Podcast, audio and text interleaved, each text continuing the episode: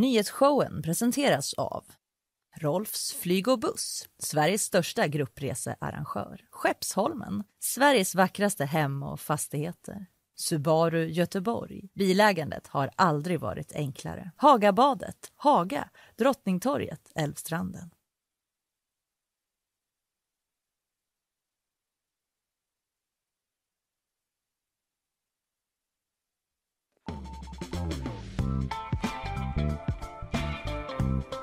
Ja jävlar så låter det när vi är igång Ina. Ja, jag håller med. Det är exakt så det låter när vi är igång. Det gör det. Var, ty- var, det var lite tyst ljud från din mikrofon tyckte jag men Ja, ni kanske inte tycker att jag ska ta mig så mycket ton. Nej, Jag det är ganska tyst. ja, jag undrar vad som händer där faktiskt. Om det är något strul på det. Eh, vi eh, kikar på det så eh, börjar jag väl eh, snacka lite helt enkelt. Pröva nu. Ja, absolut. Ja, gud vad märkligt. Ja, funkar. Det funkar sådär. Eh, vi får se vad vi gör med det ljudstrulet. Jag börjar att ta lite vad vi ska snacka om idag helt enkelt. Eh, Jag nickar. Ja, du får nicka gott och liksom läcka in i min mikrofon. Så testa att sätta dig på den micken så bara börjar vi med ett sånt här klassiskt ljudstrul här och se vad som... Eller är det bara att den... Visst, eh, Där hörs du gott. Vi kör ja, på inte det. för mig. Inte för dig. Okej. Ja, ja, vi kör på det när jag hör dig i alla fall. Eh, du, eh, det kan vara så att den är inkopplad på fel helt enkelt. Vänta får jag pröva en sak. Nu är det riktigt rörigt här. Men konstaterade vi inte Hallå, att det här jo. var sånt som gjorde en mänsklig förra onsdagen? Det, nu är vi, vi har aldrig varit så mänskliga. Gå tillbaka Ina, gå tillbaka. Ja, För att jag vet vad det var. Du behöver inte byta tror jag. Vi kör som det var bara. Det var bara att eh, de var inkopplade på fel och olika. Nu hörs du. Jag hör Ja, även mig själv, det är kanon. otroligt. Wow vilken start hörni! Så ska de tas. Kalle. Ja, så ska de tas. onsdagsmorgnarna tas. Nu är alla på tårna där ute. Ina, vad gott att du är med med ljud också. Hur mår du? Hur mår Ja, du? men jag mår bra. Ja. Hur mår du själv? Jo, men jag mår toppen. Kan ta mer om det sen. Eh, vad ska vi snacka om idag? Jag ska prata om en grundlagsändring ju som eh, jag vet att du känner till. Medierna rasar mot den här. Eh, det handlar om eh, utlandsspioneri, om visselblåsning och granskningar i framtiden som kanske inte kommer bli av. Eh, I alla fall eh, är det vad kritikerna befarar. En grej som flugit lite under radarn men som kan ha stor betydelse. Man röstar igenom det här helt sannolikt i riksdagen idag. Eh, vad kommer du prata om? Jag kommer prata ganska mycket om de nya löftena om hur Göteborg ska komma och se ut.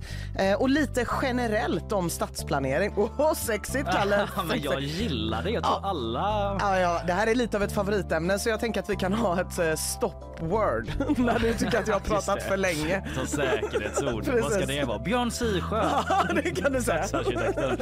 Eh, ja men spännande. Jag tror att så här, även om man inte fattar att man är intresserad så bara the city is all around us. Så är det. så är ändå det. Man kan inte komma ifrån det. Förlåt om det lät platt typ, men det är sant. Vi kommer också få besök. Janne Höglund kommer hit. Det har ju varit ett högintensivt dygn i Ukraina. Eh, bombni, bomberna regnar över hela landet. Han kommer hit och eh, ja, hjälper oss eh, lite med det. Ja. Sen i bakvagnen, eh, helt andra grejer. Jag eh, kommer snacka om eh, råttor som diggar. Nya studier som visar, visar på det. Eh, Hoppla! Ja, och Ja, men- även inflationen. Ja, har vi ropat titta. hej? Ja. Vi väger upp. Det är inflation och det är råttor som diggar. Vad har du där? Ja, men på tal om råttor som diggar så kommer jag prata lite om danstillståndet eh, och huruvida det eh, finns eh, kvar eller inte ska finnas kvar. Och också lite om rymdraketen Artemis Oh. som jag följer livestreamen här lite parallellt nu. Den skjuts nämligen upp i detta nu. Är det sant? Mm, men det kommer vi till sen. Ja, fan vad häftigt alltså. Mm. Mäktigt. Men eh, ja, ja, du mår bra annars. Jag mår, jag mår helt utmärkt. Ja. Eh, du då Kalle, det känns, när jag kom in här idag så hade jag en känsla av att det fanns en energi runt dig som inte bara var zen. Nej, jag var lite uppstressad. Jag skulle liksom försöka förstå hela den här grundlagsgrejen. Det var mycket. Sen har jag också blivit eh, publicly shamed Nej! i kollektivtrafiken. Åh nej! jo, det är sant. Det är sant. Vad hände? Eh, nej men det var att jag var med min familj, jag hade varit på en lekplats och så skulle vi ta spårvagnen hem för det började regna. Och då sprang vi till spårvagnen. Eh, det får man ju göra. och då var det en tjej som eh, du vet, tryckte upp dörren för oss eh, så att vi skulle hinna med. Eh, så går vi på och så märker jag att den här tjejen det föraren säger någonting till henne och hon bara okej, okay, oj, vad är det som händer typ? Så när vi går på så eh, börjar föraren tala i högtalarsystemet och är så här, ja då är det bara så att vi kommer bli ytterligare lite försenade för att vissa personer inte vill komma till hållplatsen i tid. Eh, vi är fem minuter försenade redan, nu är det sex minuter så att de alla bara kan tänka på i framtiden att vara på hållplatsen när man ska åka så det var skitbra. Åh oh, nej! Ja. Publicly shamed och passivt aggressivt samtidigt. Ja och det blev mer aggressivt för att eh, ja, vi åkte där, jag typ så här log ett snett leende, typ kokade inombords för att bara, vadå, man får springa till vagnen, ja. typ, vad ska jag göra? Har ja. du hört om att typ inte planera hela sin dag efter typ en spårvagnstur? Ja, nu är inte han här och kan försvara sig men typ hans case var, han kanske hade en dålig dag den här ja. chauffören typ mm. men Sen när vi skulle gå av så kunde inte jag hålla mig från att du vet bara ge han en liten sån gubbe. Typ titta på honom så här. Hallå, är, skoj, är du allvarlig? Skojar du eller? Typ en liten sån blick. Ja. Vilket eh, när jag gick av eh, på min hållplats, vilket gjorde att han hoppade ut ur eh, kuren så, lutade sig ut ur framdörren. Bara, du ska se till, till att komma i tid nästa gång. Nu blir jag försenad till Saltholmen. Alla kommer få springa till båten. Och liksom sen bara åkte han vidare i ah. vredesmod så hela vägen ut till Saltholmen. Och jag vet inte hur det gick för alla resenärer om de hann med båten eller inte. Men jag gick eh, liksom en, en liten promenad hem och bara jag skulle sagt det här ah, och jag skulle det sagt, här ah, det. är alltid så. Oh, man kommer aldrig på det i stunden. Nej. Ah, men dina barn, det, det, det var familj med sa du? Ja, ja visst. Mm, mm. Eh, Filippa hon eh, släppte det ganska snabbt liksom. Ah, mm. Mina barn fattade ingenting. Nej, så det var lugnt. Vad skönt. Så, så de har inte har den här bilden av att så här, när vi åker spårvagn då bråkar pappa alltid med chauffören. Nej, jag hoppas inte det. De är så små så de kanske inte minns det. Så här. Jag upplevde ju att hela vagnen var på min sida. Mm. Eh, men jag är inte alls säker på att det var så. De kanske var skitare för att de skulle missa båten ute vid Saltholmen. Ja. Men jag upplevde det som att alla var så här bara, ja. den här killen behöver ta ett chillpill där just det, just det, just det, just det. Typ. Ja, men skönt. Men det var inte som att det blev en spontan slow clap eller så när eh, du när gav din gav blick? Den lilla blick.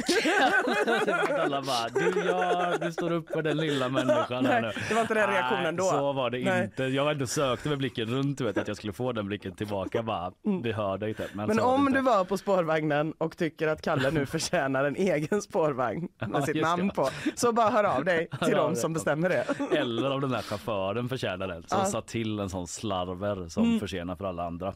Håller det för öppet. Ja, det var lite om mig. Det kanske var därför jag var lite stressad. Typ. Ja, jag har... tror det ligger kvar. Men nu ser du liksom mer. Axlarna har sjunkit. Ja, skönt att få tala ut liksom. Ja. Använda det här lilla forumet och hämnas på den här chauffören. Så himla Till den som inte har möjligheten att göra samma Verkligen. sak. Du har dina högtalare men jag har en podd. Okej okay, då. Ja, ja. Uh, han kanske, jag vet inte, han är inte här och kan försvara sig. Han mm. kanske hade en dålig dag eller bara har rätt. Jag kanske borde varit i tid. Skitsamma, vi eh, går väl ändå vidare va? Mm.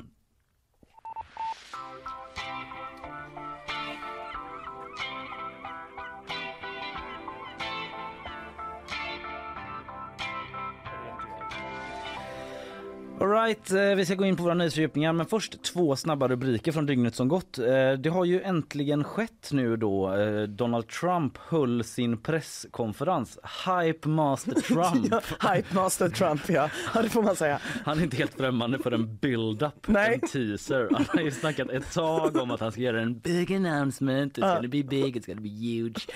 Och nu kom den. In order to make America great and glorious again, I am tonight announcing my candidate candidacy for president of the United mm. States. What a shocker! Ja, han kommer köra. Han står på Mar-a-Lago i Florida och berättade att jag kör. Jag ställer upp för att göra USA glorious igen. Eh, han sa att USAs comeback börjar nu eh, att han upp, sen så upprepar han de här falska påståendena mm. om valfusk. Han körde sin grej liksom. Eh, Biden har svarat också. Eh, han twittrade ut att, att eh, Trump svek USA och så släppte han en film på Twitter, en sån trashfilm om Trump. Vi kan lyssna på en liten bit från den bara. You also had people that were very fine people on both sides. Do you believe in punishment for abortion? Yes or no? There has to be some form of punishment. For the woman? Yeah, there has to be some form. And if I win We will treat those people from January 6th fairly. Alltså. And if it requires pardons, we will give Vad heter de? Stomp?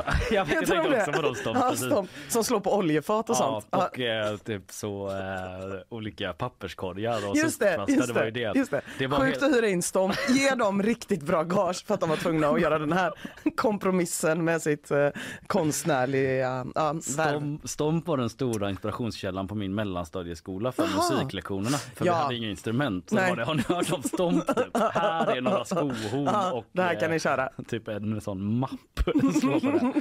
Ja, nej, men i alla fall, det var en sån trashvideo där han liksom tog upp ehm, det rullade bilder från stormningen Kapitolium och liksom hot mot demokratin, abort och sådär. Så eh, ja, kampanjandet är väl mer eller mindre igång redan i USA. Mm. Ja, jag hörde någonting här på morgonen om att eh, Trump sa att eh, Biden kommer dra in er i ett tredje världskrig. Jaha, att Trump sa det? Ja, Okej. mm, Trump sa Ja, det. Men det kommer inte han då. Det är det tonläget och då är det två år kvar till själva valet. Så det är perfekt. Det man säger Oj, eh, ska jag så. Eh, andra rubriken innan vi fördjupar oss. Eh, jag har redan nämnt det lite grann men det som toppar alla sajterna den här morgonen är ju nyheter från Ukraina och Polen. För en rysk tillverkad robot har dödat två människor i Polen. Det är polska myndigheter som säger att eh, en eh, robot då som är rysk tillverkad, eh, de kommer med den uppgiften, den slog igår eftermiddag ner på en eh, bondgård i Polen nära gränsen där till Ukraina och två polska medborgare dog. Polen är ju som vi alla vet ett NATO-land. Eh, väldigt orolig stämning kring det naturligtvis. Eh, vi kommer att prata mer om det här. Jag vill bara nämna det bara för att det är liksom den stora grejen den här morgonen. Men Janne Höglund som är utrikesexpert här på GP. Mm. Mm. Ja, men alltså, vill, vill, är det någon, när jag hörde bara det här med Polen, jag hörde bara förbifarten, då tänkte jag bara, ja ah, men Janne, Ja. Janne ska förklara. Och det är han som kommer och gör det. Vi ska snacka om det, vi ska snacka om Cherson, att Ukraina har intagit stan där och de de här intensiva bombningarna som varit eh, senaste dygnet. Och eh, ja, det är fortfarande väldigt mycket oklart kring de här robotarna som slog ner i Polen. Biden, Joe Biden, USAs president, har sagt att det är osannolikt att de avfyrades från Ryssland. Eh, och eh, källor, andra källor eh, säger att roboten sköts från Ukraina och att det var ett svar på Rysslands beskjutning. Alltså det finns mycket uppgifter för att det har varit sånt extremt intensivt eh, bombningsdygn i Ukraina. Vi ska ha reda i vad man vet hittills och eh, konsekvenser och typ läget vid fronterna. Men jag börjar med en fördjupning. Gör det! Så blir det idag. Eh, jag ska prata om eh, det här med att det sker någonting väldigt eh, ovanligt i riksdagen idag. Nämligen att eh, Sverigedemokraterna kommer erkänna klimatkrisen. Sk- skoja. Skoja. Det är att Miljöpartiet kommer värna om den lilla människan på landet. Skoja. Skoja. Det är att sossarna kommer stå fast vid en princip även om den bryter mot rådande vilja i opinionen. Skoja. Det handlar om att man kommer rösta igenom en grundlagsändring.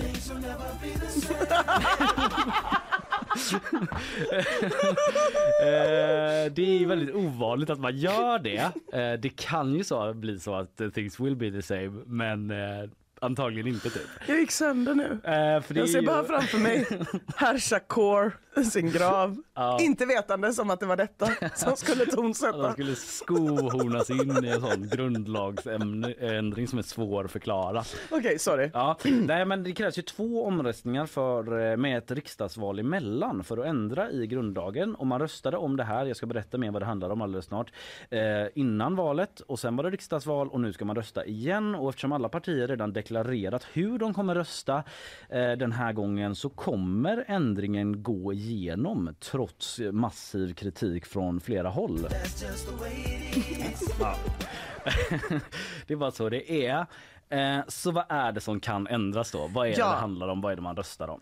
Jo, det är lagen om utlandsspioneri och eh, ändringen gör då att utlandsspioneri kan klassas som yttrande och tryckfrihetsbrott. Fortfarande lite rörigt kanske, eller svårt att förstå. Men regeringen eh, i alla fall eh, menar att det här kommer bli toppen för Sverige, den här ändringen. Så här säger justitieminister Gunnar Strömmer. Den här ändringen behöver göras så att vi ska kunna möjliggöra ett ännu starkare skydd för Sveriges trygghet och säkerhet. Ett starkare skydd mot spioneri så att vi får samma skydd som andra länder har. Och då finns det några luckor i lagstiftningen som vi vill täppa till. Ja, vi ska få det tryggare, och säkrare och mindre spioneri. Låter ju kanon. Ja. Eh, Men kruxet då eh, är att den här ändringen gör det straffbart att lämna ut uppgifter som kan skada Sveriges förhållanden till andra länder eller organisationer. Typ FN eller Nato. Så eh, det som liksom kritiker befarar och så som det verkar vara är att om man tar del av eller lämnar sån information som är en hemlig uppgift och kan skada Sveriges samarbete med till exempel Nato då. Eh, då kan det handla, eh, det kan handla till exempel om en journalistisk publicering, att man har liksom grävt fram någonting som pågår i något NATO-land eller någon visselblåsare som vill uppmärksamma ett missförhållande. Om man då lämnar den informationen och det kan skada Sveriges förhållande till den organisationen, eh, då eh, så skyddas man inte längre av meddelarfriheten och kan därför åtalas för spioneri. Ja. Vilket har fått många, inte minst inom media då, eh, men även liksom jurister och sådana som sysslar med eh, yttrandefrihetsfrågor och sådär, att reagera i och med att det är en ganska stor förändring och man tror att det kan påverka journalistiken och eh, visselblåsandet i stor utsträckning. Ehm, till exempel så gick ett gäng tunga, tunga mediedebattörer och chefer ut och skrev om detta på DN Debatt. Till exempel Cilla Benke och Hanna Stjärne, VD, VDs. För, VDs. VDs för eh, SR och SVT. De skrev eh, ett litet utdrag så här. Med en grundlagsändring av det här slaget skulle även Turkiets president Recep Tayyip Erdogan kunna diktera vad svenska medier kan publicera eller inte. Menar de då på så sätt att liksom om mm, eh, SR rapporterar om någonting som Turkiet menar kan skada relationerna med dem och de är med i NATO typ Ja. så kanske man åter begår någon sorts självcensur då och inte släpper eh, det materialet. Eh, och ehm, ja, så det reagerar de på. Sen är det så här att eftersom det här inte har trätt i kraft ännu Eh, den här ändringen. Eh, och det finns också en del undantag i lagförändringen. Det är lite komplicerat liksom. Eh, så vet man inte så exakt vad man kommer kunna publicera och komma undan med och inte Nej, just i det det. här läget. Nej. Eh, och man kan inte säga definitivt hur det kommer bli för i den här lagtexten så finns det en ventil som man kallar det om att publiceringar som anses försvarliga inte ska vara olagliga. Okej. Okej. Och vad betyder det? då, Ja, va, ja och, s- s- absolut. Men samtidigt så kan jag känna mig lite dum Mm. som bara har tagit del av nyheter via Twitter and Instagram. Alltså när folk bara skriver sina egna åsikter. För då känns det som att antingen har folk skrivit det här är inga problem överhuvudtaget. Eller så har folk skrivit, alltså det här undantaget har jag inte hört om. Det är ändå rätt viktigt när, Ja. i all juridisk text att typ om det är försvarligt så kan det ändå gå. Ja men precis, men då är liksom invändningen mot det då att dels att det är luddigt, så här, Mm, vad ja, är för försvarligt och inte och att man kanske måste veta det innan. Ja. För att om du vill publicera någonting som är väldigt känsligt då kanske du vill veta vad som gäller, inte bara slänga ut och sen bara hoppas det här är försvarligt. Nej, nej. Eh, och det kanske man, jag vet inte, det kanske kommer någon praxis efterhand men det är väldigt svårt att veta i nuläget. Eh, men ett exempel då som hade kunnat vara problematiskt möjligen Alltså av saker som tidigare avslöjats som Sveriges Radio tar upp. Det är deras egen granskning för några år sedan som avslöjade att Sverige skulle hjälpa Saudiarabien att bygga en vapenfabrik i det landet om du minns. Hela Saudi vapenaffären. Gud, ja. Det vann ju journalistpriser och allt sånt där. Eh, då hade man kanske inte kunnat berätta om det vad det verkar då eftersom det hade varit brottsligt enligt den här lagen. Eftersom man skadar relationen till Saudiarabien och kanske även till andra organisationer som det handlar om utrikespolitik och vapen och sådär. Eh, en annan som reagerat då är visselblåsaren Anders Kompass. Honom känner du till kanske? Nej. Eh, Han var i alla fall eh, för några år sedan eh, ute och visselblåste om sexuella övergrepp mot barn Just inom det. ramen för en FN-insats. Eh, och slog larm om det i medier och agerade visselblåsare där. Han blev väldigt uppmärksammad. Jag tror han sommarpratade och sådär också. Eh, blev allmänt hyllad som en hjälte för det, liksom, att han uppmärksammade de missförhållandena. Och han är väldigt eh, orolig nu. Han blir orolig av att läsa om det här, säger han till Aftonbladet, om massmedias oro och om tystnaden från politiskt håll. Ja. För det har varit en grej också att Absolut. Det här är en grundlagsändring som man redan har röstat en gång. Sen Mm. har det varit val däremellan och det har man ju när man ska ändra i grundlagen typ för att folk ska få chansen att bara okej men jag vill inte ha den grundlagsändringen. Då röstar jag bort de som vill det. Just det. Men typ att i valrörelsen så var det ingen som snackade om det här. Nej. Eh, ingen kände till det, eh, typ ingen känner till det nu Nej, nästan nej alltså heller. jag har sett eh, om det de senaste tre, fyra dagarna kanske. Exakt så är det och eh, det beskrivs av ja, inte minst journalister själva typ som ett väldigt stort journalistiskt misslyckande. Att man liksom inte lyfter det här på agendan eh, förrän nu när det är ja, eh, när det ska röstas idag. Liksom.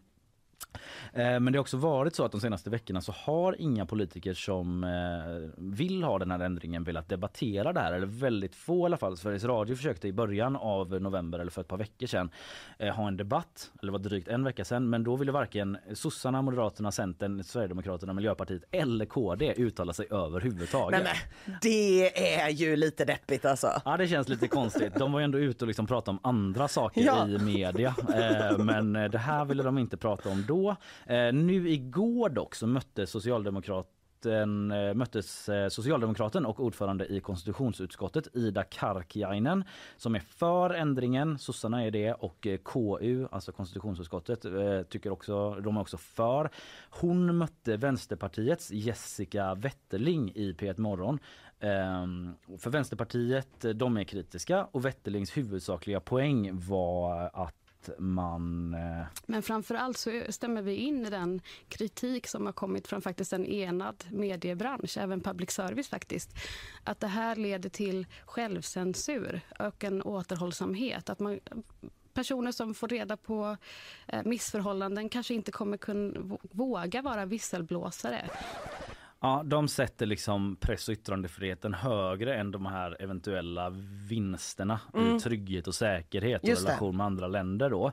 Eh, Karkiainen hon snackade om ja, samma saker som Gunnar Strömmer pratade om i början, typ att man täpper till en lucka här i säkerhetspolitiken. Eh, hon försökte konkretisera vad luckan kunde handla om. Nej, men luckan kan man väl rent eh, krasst kommentera som att det handlar om att om du eh, rapporterar till exempel en uppgift till IS eh, så kan inte det enligt lagstiftningens bestämmelser räknas som en främmande makt idag och därför så utvidgar man spioneribestämmelsen till att handla om också eller motsvarande, så främmande makt eller motsvarande. Det är en del i lagstiftningsförslaget. Just det.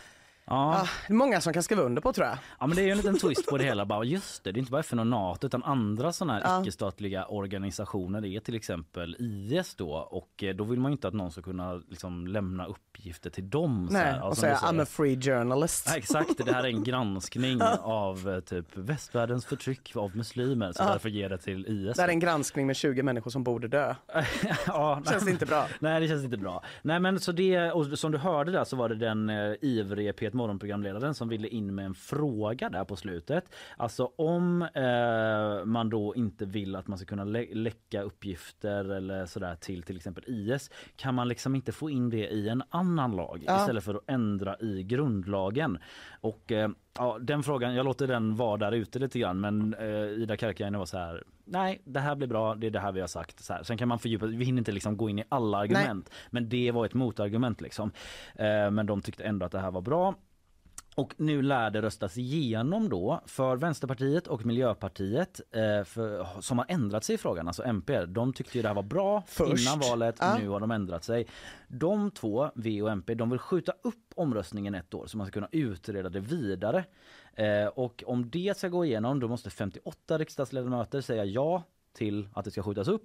Och det hade man haft om eh, V, MP och L tyckte det. Men L som ju var emot, de är De för. har bytt. Så nu har man inte 58. Nej. Eh, jag vet inte om L liksom jobbar efter den Johan Persson-devisen att man säger en sak innan valet. och sen en annan. Och det förväntar sig också väljarna. ja, det var, ju, det var ju typ det han sa. Eh, Men han säger i alla fall till TT igår att vi ser ett kraftigt försämrat omvärldsläge som spelar stor roll. Vi kan inte stoppa detta nu med några ytterligare förtydliganden. Antingen antar vi det här och skyddar Sverige eller så gör vi inte det. Så det är återigen att liksom L kämpar på med att tycka en sak egentligen men att också förhålla sig till omvärlden och att man sitter i en regering typ. Ah. Ehm, kan illustrera det här lite med ett ljud från eh, Ekot där riksdagsledamoten Malin, Malin, Malin Danielsson från Liberalerna var med. En av få som uttalade sig ganska tidigt för det här klippet är liksom innan helgen. Mm. Eh, och eh, hon fick frågor om Els svängning. Eh, hon svarar där liksom och får en fråga sen. Vi är fortsatt väldigt kritiska till det här förslaget men vi konstaterar att det finns ett starkt stöd i riksdagen för det och vi väljer i det här läget att inte följa upp vår reservation som vi haft tidigare. Så ni röstar emot er övertygelse då? Vi röstar utifrån att vi sitter i en regering i dagsläget eh, och det finns en En överregering. Ja exakt, det är lite den Ellof åker på typ. Så ni tycker inte det då? Alltså det är ju regering och vi är med i den och sådär. Och, eh, ja. Nej, men så de dansar den dansen. Eh, Visst, de kanske bedömer det som att så här, Ja, men nu måste vi liksom stå upp tillsammans här och göra vad det som är bäst för Sverige och så vidare. Det finns olika sätt sätt att se på det. Men i alla fall sammanfattningsvis, idag röstas det i riksdagen om den här grundlagsändringen. Den ser av allt att döma ut att gå igenom. Vi får se framöver då om det blir färre avslöjanden i medier, färre visselblåsare eller om det blir en ökad trygghet för Sverige. Debatten fortgår.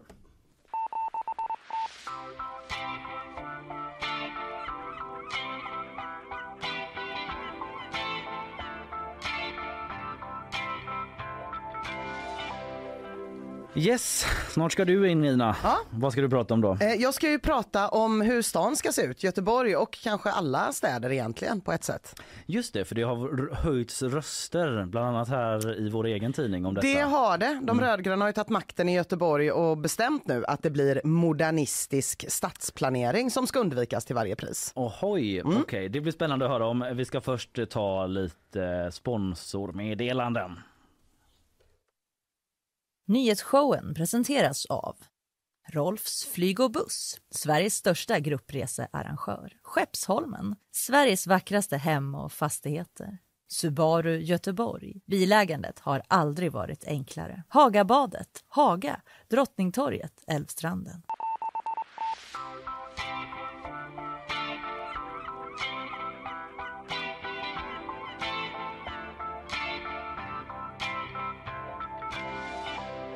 Ja, alldeles strax så eh, ska du Ina prata om arkitektur här i stan som du just sa. Jag behöver inte säga det igen egentligen.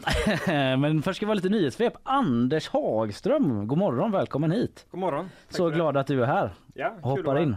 Hur är läget? Det är bra lite tidigare än vanligt men det, ni är upp så här tidigt varje dag så Ja. det, det gör väl inte så mycket. Nej men precis, det är vi. Vad, eh, du gör ju massa andra grejer här på tidningen annars. Eh, ja just nu är jag ju programledare när vi kör nyhetssändningar på TV. va? Just det. Så det är vi som har liksom eh, stormat in och lite kapat eran studio här för vi sänder ju här. Så är det. Men ni har tagit det väldigt bra. Det har inte varit några så. ja, precis. sladdar och, och Sladdar och att jag hela tiden har såna här klistermärkeslappar med mitt namn på som svärtar av sig på ert fina bord och sånt. Bland det dyraste som finns här på GP det här bordet. Ja, det kan jag tänka förstört. mig. Ja men vi är så himla glada att du sätter det åt sidan liksom. och kan hjälpa oss att dra ett Jag tror det. Ja kanon. Eh, varsågod.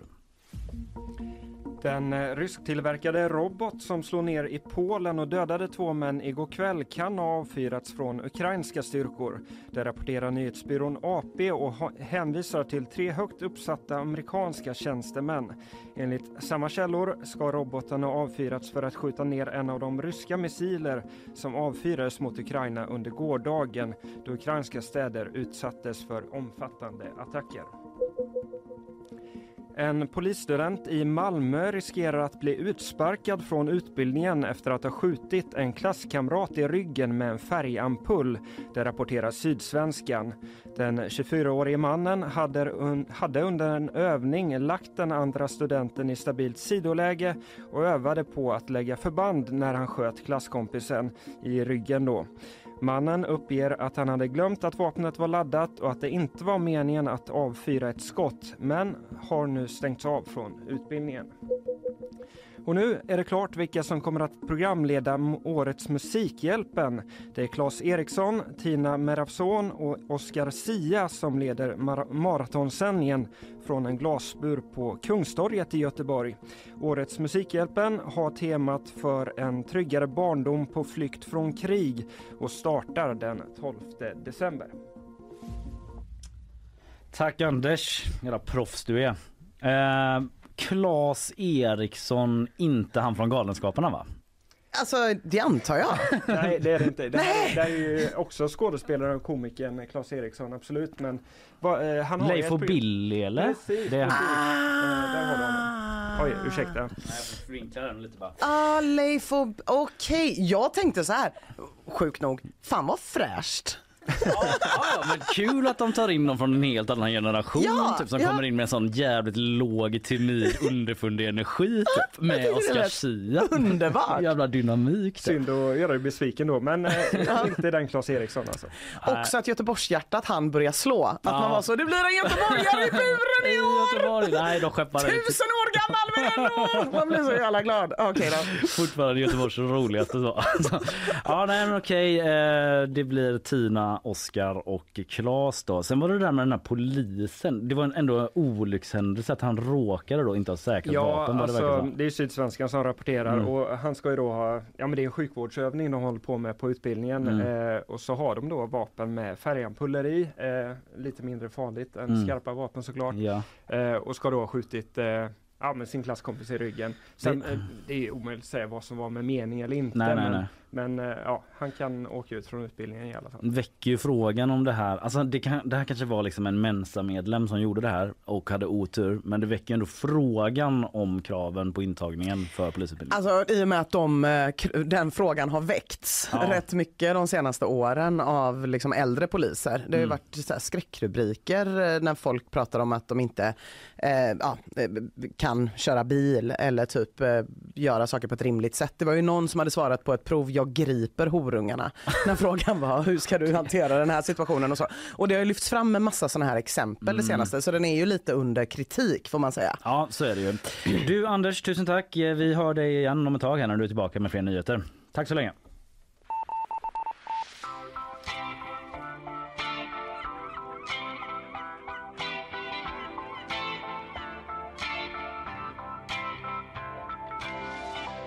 Right Ina. Ja, eh, jag ska ju prata om eh, stadsplanering. Eh, Ja. Jag vill bara säga att jag sitter också, det kommer skjutas upp en färja, Artemis. Just det, en Nu. rymdfärja. Ja, en rymdfärja Ja. till månen. Den skulle skjutits upp här för någon timme sedan och den har varit lite otursförföljd. Jag kommer återkomma till det lite Mm. senare. Eh, men eh, ja, man, kan, man kan streama den på NASA, naturligtvis inte nu när vi pratar, men om man vill det sen Ja, så kan man göra det. Den har du liksom ena ögat på. Jag har lite ena ögat, ögat på framförallt på, stadsplanering. kommentarsfältet där det bara är folk som skriver launch already. Okej men skitsamma. Eh, jo de rödgröna tar ju makten i Göteborg Ja. och de har bestämt att modernistisk stadsplanering det ska undvikas. Och den som ska se till att det blir så är ju då socialdemokraten Johannes Hulter. Det här kunde vi läsa om i GP igår. Ja. Han blir högsta ansvarig för stadsutvecklingen i stan. Och en stor del av det de kommer jobba med med stadsutvecklingen är att de ska värna om allmännyttan, stoppa ombildningen av hyresrätter och sådär. Men sossarna har också en ambition om hur nya hus ska se ut. Eh, och i GP då berättade Johannes Hulter hur det som byggs ska se ut. Man kan sammanfatta det typ så här, det ska vara snyggt. Okej. okej. Mm. Eh, Svårt att invända mot. Ja, det är ändå. svårt. I den nya budgeten står det som byggs i framtiden ska hålla en hög arkitektonisk kvalitet. Mm. Det vill säga det ska vara snyggt då. Eh, och det här, vad som är snyggt Ja. när det gäller hus, det är en gammal strid Ja. som står mellan modern arkitektur och klassisk arkitektur. Om vi ska göra det väldigt enkelt för oss så kan vi tänka oss att i ena ringhörnan så står ett utav husen som är precis vid Frölunda torg. Ja. De här jättehöga vita. Ja. Och i andra ringhörnan står ett litet landshövdingehus i Majerna. Okej, det är det moderna och den traditionella. Precis, liksom. precis. Men det finns ju landshövdingehus, det kan ju komplicera det lite, som är byggda typ igår. Ja, i Majorna till Eh, exempel. I Majorna till exempel. Och de är med de gamla i den ringhörnan. Okej, de är med gamla. Och Mm. även om de här betonghusen kan vara byggda på 50 och 60-talet så är de i den nya Får, ringhörnan. får jag ställa, med risk för att röra till det, men jag tänker mycket när jag tänker så här ny arkitektur så tänker jag, nu är inte det super super nytt men typ Lindholmen, alltså Ah. de, den typen ut för att det finns även så här Hammarby sjöstad, så här, nya Ja. områden som ploppar upp som ser exakt likadana ut Ja. i hela Sverige. Verkligen, Ja. verkligen. Och att det blir ganska liksom oarbetade fasader. Typ att man gör liksom väldigt enkla avskalade grejer. Ja. Och det här är ju tankar som liksom kommer tillbaka från 20-talet, började Mhm. arkitekter prata om det här. Men det vi ska förfråga oss först är ju vad som är snyggt, Kalle. Jag ska inte be dig att sätta dig själv på en skala 1 till 10 och jag ska inte heller göra Då det. kan man vara med i en undersökning vid Lunds universitet istället. Det. Referens till tidigare nyheter. Mm. Men om jag frågar dig så här då, Kalle, vad tycker du om eh, det huset som Hotell Eggers ligger i precis vid Brunnsparken? Det första man ser när man kommer ut från centralstationen. På en skala 1 till 10, hur snyggt är det huset? Mm, som jag minns det, eh, kanske åtta ändå. En åtta? Det är högt upp liksom. Mm. Nu blir det kanske lite svårt för dig att vara helt ärlig här, men huset vi står i nu då, GP-huset? Ja men, eh, nej men alltså rent bara vad det liksom fyller mig med för känsla typ så. Eh, men kanske typ en fyra. Ja, en fyra. Ja. Mm. Nya Masthugget? Men nu är det bara snyggt, nu pratar man inte så här funktionalitet. Nej, eller nej, liksom bara hur snyggt tycker du det? Ja, nej men det är väl kanske typ en trea då. Mm. Och gamla Masthugget, Kalle? Ja, då är vi uppe på en sjua. Ja. Mm. Alltså du är inte ensam. Nej. Så är, alltså, nästan alla, inklusive jag, tycker att gamla Masthugget är finare än nya Masthugget. Ja. Så är det idag. Folk hatar modernistisk arkitektur mer än någonsin och allra mest hatas det av ett gäng som heter arkitekturupproret. Jag känner till men Känner till. vet väldigt lite om. Det ska det bli ändring på där, Aha. Kalle. De startade som en Facebookgrupp 2014 och nu så är de en intresseförening som har taglinen det finns alternativ till fyrkantiga lådor. Den är lite lång, men den säger ändå det som behöver sägas. Ja, ja. Och de vurmar ju då för att ge folket det folket vill ha. Rara trähus istället för kalla betongkolosser. Och i början då här runt 2014, 15, 16 då fick de en jävla massa kritik. Folk tyckte de var lite väl bakåtsträvande, Mm. lite väl nationalistiska kanske, lite väl, uh, uh, uh, ja men sådär, samma kritik som man kan ha mot kulturkanon typ. Vem bestämmer vad som är bra och varför är alla plötsligt så jävla besatta av att bevara saker och varför är ingen som folk var på 60-talet där man skulle riva alla tempel och framåt kamrater Ja. utan varför vill alla bara sitta i landshövdingehus med dragiga golv och koka saft? Typ. Lyhört som djävulen Lyhört som djävulen. Eh, och de blev väldigt hårt ansatta, framförallt av en ganska enig arkitektbransch Mhm. som var så här, sluta hålla på och hypa helt vanliga träkåkar. eh, men de har en ganska valid point som de förde fram då och det är typ den här, obs mina egna ord. Eh, alla älskar fan att bo i trähus, men av någon anledning älskar just arkitekter modernistisk arkitektur. Ah, Väldigt okej. mycket. Mm. En arkitekt, förlåt, arkitekt såklart, är ju en konstnär. Och en konstnär vill ju inte rita trähus med vita knutar som vilket jon som helst kan sätta ihop. Nej, så då kan man lika gärna som konstnär måla en sån fruktfat stilleben. Det har redan gjorts. Ja, liksom. Eller sjömannen som alla vill ha på väggen. Mm, I Just alla det, fall ja. i Göteborg. Ja, eller Ja. som tatuering. liksom. Ja, exakt. Eh, arkitektens, för, arkitektens förebilder det är ju funktionalismen och modernismen. Det finns ingen som älskar ett funkishus som en nyintagen på Arkitekthögskolan, det vågar jag lova. Hitta någon som älskar dig så. Ja, Hitta någon som älskar dig som en ny arkitektstudent älskar Le Corbusier. Eh, de är ju nostalgiska i sin tur då, över en tid som är väldigt avlägsen nu och det är tidigt 1900-tal framförallt. Det är när de här idéerna skapas. Gropius, Le Corbusier, de ritade galna betonghus som skulle liksom driva fram mänskligheten in i framtiden.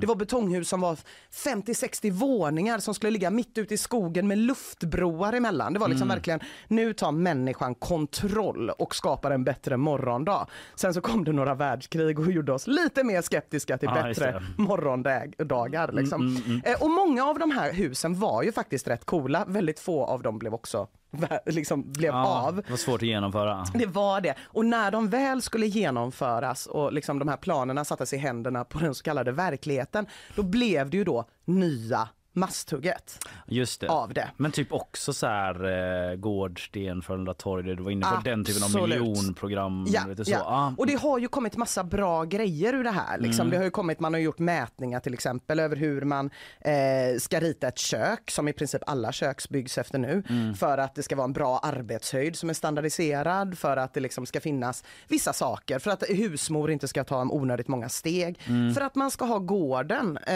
i ett gårdsfönster i köket. Ja, så för man det, kan... Jag vill ändå flika in typ med nya masthugget att till exempel att jag uppskattar hela den, ja men med Ah. gårdarna, liksom nästan hängande trädgårdarstämning. Alltså, Mm. Det finns andra saker, jag antar att du liksom kommer, eller du har redan varit inne på det, men att det finns andra saker än fint som Ja. parameter, liksom nytta typ. Folk som måste kunna ha råd att bo. Typ, Ja allt sånt där. precis och framförallt då när man rev gamla masthugget Ja. eh, och blev av med loss, eh, löss och loppor Mm, eh, och ställen som inte hade vattenklosett typ. Då Mm. var ju folk ganska glada många att flytta till Gårdsten Ja. där det var modernt och fint. Men Albert Svensson apropå masthugget från arkitekturupproret, han har sagt att innan man rev masthugget så såg det ut som Lissabon där uppe på berget. Det var myllrande och det var slingrigt och han menar att Mhm. folk mår bra utav det.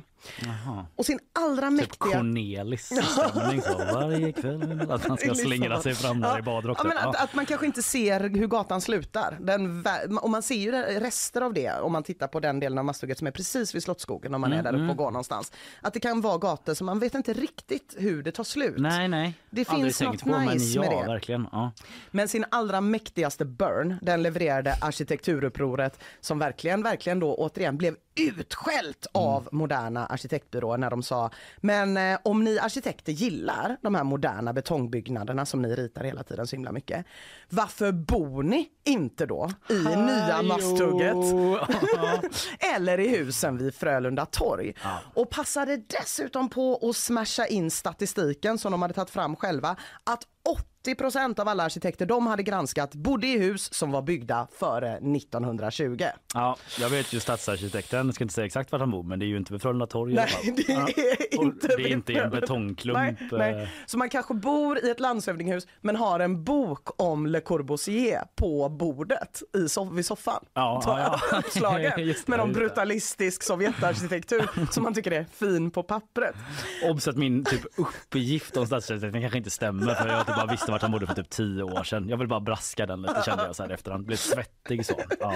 Ja, men vi kan ta ett annat exempel Ja. på en person om vi ändå ska gå till personangrepp. Nej, men, eh, arkitekturupproret är extra arga på Gert Wingård.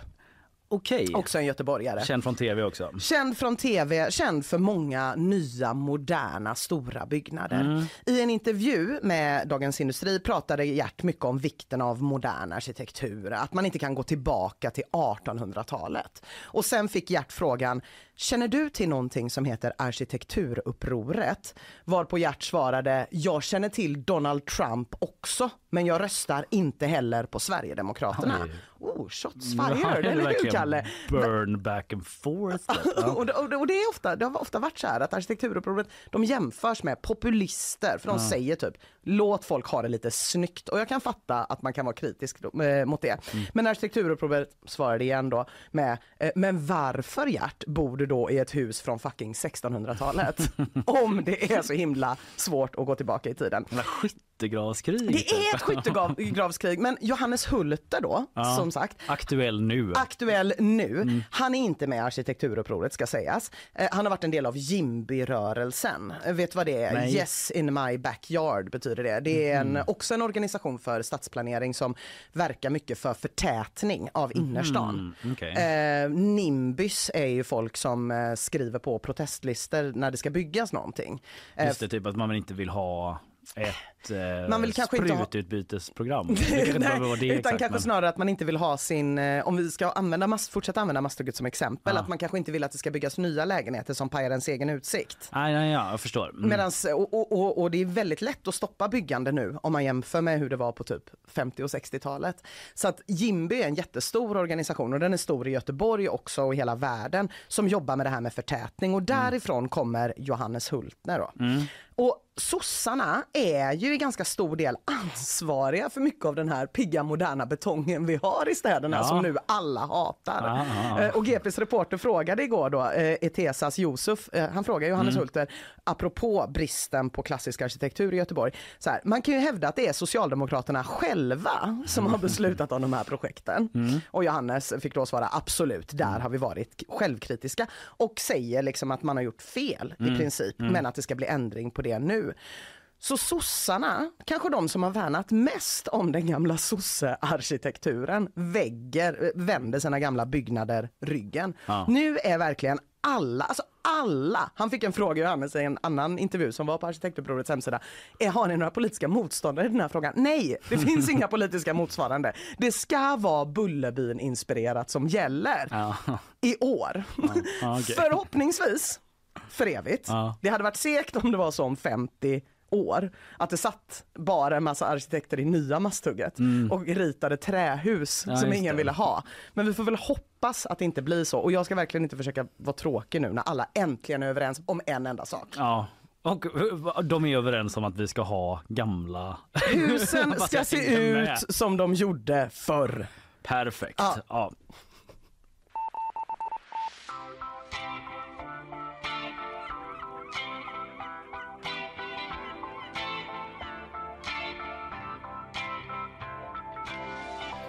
Vet du vad det här var Ina? Nej. Det var roligt och matnyttigt Ja, för mig. för jag matnyttigt. har alltid hört eh, arkitektupproret så här fladdra förbi och Mm. typ så här personer som min pappa har kanske pratat om den typen av saker men jag har aldrig riktigt fattat vad det är. Nej, nu och de, gör jag det. de, alltså de var ju verkligen en lite outsiders men nu är ju alla, typ, de är fortfarande mest radikala såklart men Ja. alla är nu är alla på deras sida.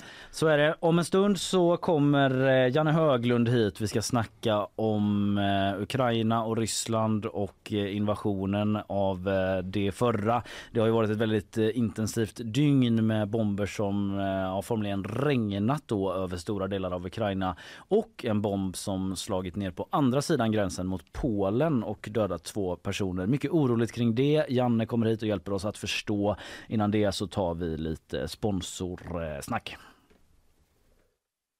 Nyhetsshowen presenteras av Rolfs flyg och buss, Sveriges största gruppresearrangör. Skeppsholmen, Sveriges vackraste hem och fastigheter.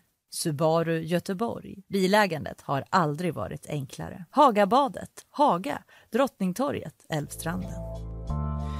Så där ja, då var vi på plats här inne i studion. eh, Alla mätta och belåtna, eller vad säga. Men det är kanske inte exakt det vi är. Men vi står här nu och redo för att prata om att det ju har varit ett dramatiskt dygn i Ukraina. Igår kom rapporter om omfattande luftangrepp från Ryssland. Robotar har slagit ner från eh, Lviv i väst till Charkiv i öst och även i Ukrainas huvudstad Kiev. Det har formligen regnat bomber. Dessutom har rysstillverkade robotar slagit ner på eh, andra sidan gränsen i Polen. Vad betyder allt detta? Det är så mycket man vill veta och så mycket man vill fråga om. Vi ska få hjälp av GPs utrikesexpert Jan Höglund. Hej Janne! God morgon, god morgon. God morgon, vad skönt att du är här. Ja, det är ju en verklig eh, nyhetsmorgon så man kan ju inte hålla sig härifrån. Va? Nej, ja, det är ju mycket, det är Ukraina men det är mycket annat som händer också. Men nu fokuserar vi på Ukraina. Alltså, om vi börjar där. eh, Det har ju varit eh, ett väldigt intensivt dygn när det kommer till luftangrepp då från rysk sida mot Ukraina. Va, hur eh, skulle du liksom summera senaste dygnet utifrån det? Ja, det kan nog summeras bäst av vad som pågår just nu. Det är så oerhört intensivt på så många plan med så mycket osäkerheter och som styr utvecklingen av hela den konflikten. Eh, genom att man nu är inne med en misstänkt robot på polskt territorium så är det ju faktiskt precis vad Biden har varnat för. Varje angrepp på varje centimeter av ett NATO-land kommer vi svara på starkt. Därför är frågan nu, vad är det som har hänt? Är det ett misstag? Eh, mycket tyder ju på det nu. Men det är en oerhört intressant skede i hela konflikten. Vi såg i måndags hur en segerrik Zelensky, den ukrainske presidenten, kom ner till den befriade staden Cherson. Hur han togs emot med tårar och sång, hur man spelade nationalsången och man hissade den ukrainska flaggan. Eh, sen inför det så kallade G7-mötet som pågår på Bali just nu så har han ju fram fört en tiopunktsplan. Eh, man kan väl säga att det är olika steg för att eh, komma fram till någon form av lösning. Men han är väldigt glasklar med vi tänker inte låta ockuperat territorium eh, försvinna från Ukraina. Det tillhör oss, det är mm. vårt land. Och detta säger ju då den eh, ryske utrikesministern Lavrov som var i Bali att det där är helt obegripligt, det är inte acceptabelt. Så att positionerna där är låsta. Men sen är det ju så att det här är ju tredje stora bakslaget för Ryssland i själva kriget. Det mm. första var ju Kiev bara någon vecka, veckor efter själva in, intåget i, i februari. Det andra var Charkiv ganska nyligen och det tredje Cherson. Det vill säga att de här ryska trupperna tvingas retirera under anfall av de ukrainska förbanden, mm. förstärkta med västvapen. Och då har ju Ryssland svarat ofta med det de kan, det vill säga att skjuta massivt anfall med eh, robotar mot eh, infrastruktur men också rent besinningslöst mot civila mål hus, vanliga människor som drabbas av detta. Helt oacceptabelt. Det har skett med ökad styrka nu senaste tiden. Precis. Ja. Och detta hände ju också då igår som vi såg 100 robotar på olika mål från olika städer. Kiev, Zaporizjzja, Lviv i väster. Och sen kom det här händelsen att man även träffar mål 7 kilometer öster om gränsen mot Polen. Ja, om mm. man stannar kvar lite i det, för jag såg den nyheten igår kväll och man vet ju att Polen är ett NATO-land och flera baltländer var snabbt ute och var så här, vi kommer försvara varenda millimeter av eh, NATO-territorium och så där. Man blir ju själv ganska så um illa till mods liksom. Vad kommer hända nu? Men vad är det man vet i nuläget om de här eh, robotarna som slagit ner? Kort bara, jag kände precis som du går. Jag kände ja. ungefär som den 24 februari när vi blev varse att nu har invasionen börjat. Nu kändes det som att nu är risken stor att det här kommer öka ytterligare och steget kommer att gå in i ytterligare övriga Europa, i Polen och mm. NATO. Mm. Och det är en dramatisk eh, upptrappning. Men så var det som att det lite tonades ja. ner. Ja, eh, faktiskt, Joe Biden var ganska tidigt ute och, och väckte frågor om det här verkligen var en rysk robot som, eh, eller om vad det var. Att han kunde konstatera i alla fall utifrån sina underrättelseuppgifter att den kom inte från Ryssland och sannolikt inte heller från Belarus som är bara en 10-12 mil från den här platsen. Det lutar ju mot nu att det här är en robot av, som är rysktillverkad. Mm. Eh, och det var ju även Polens president ute och sa igår. En rysktillverkad robot som heter S300.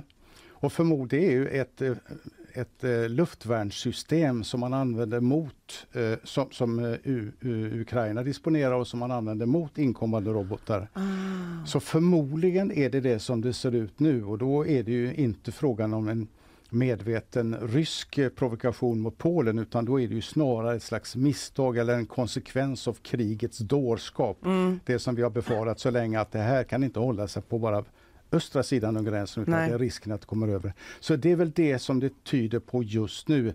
Men framförallt spänningen, osäkerheten kring hela konflikten stiger. Vi ska komma ihåg Polen har nu kallat till ett så kallat artikel 4-möte, eh, alltså ett möte med ett råd, rådsmöte med övriga NATO-medlemmar i Bryssel idag.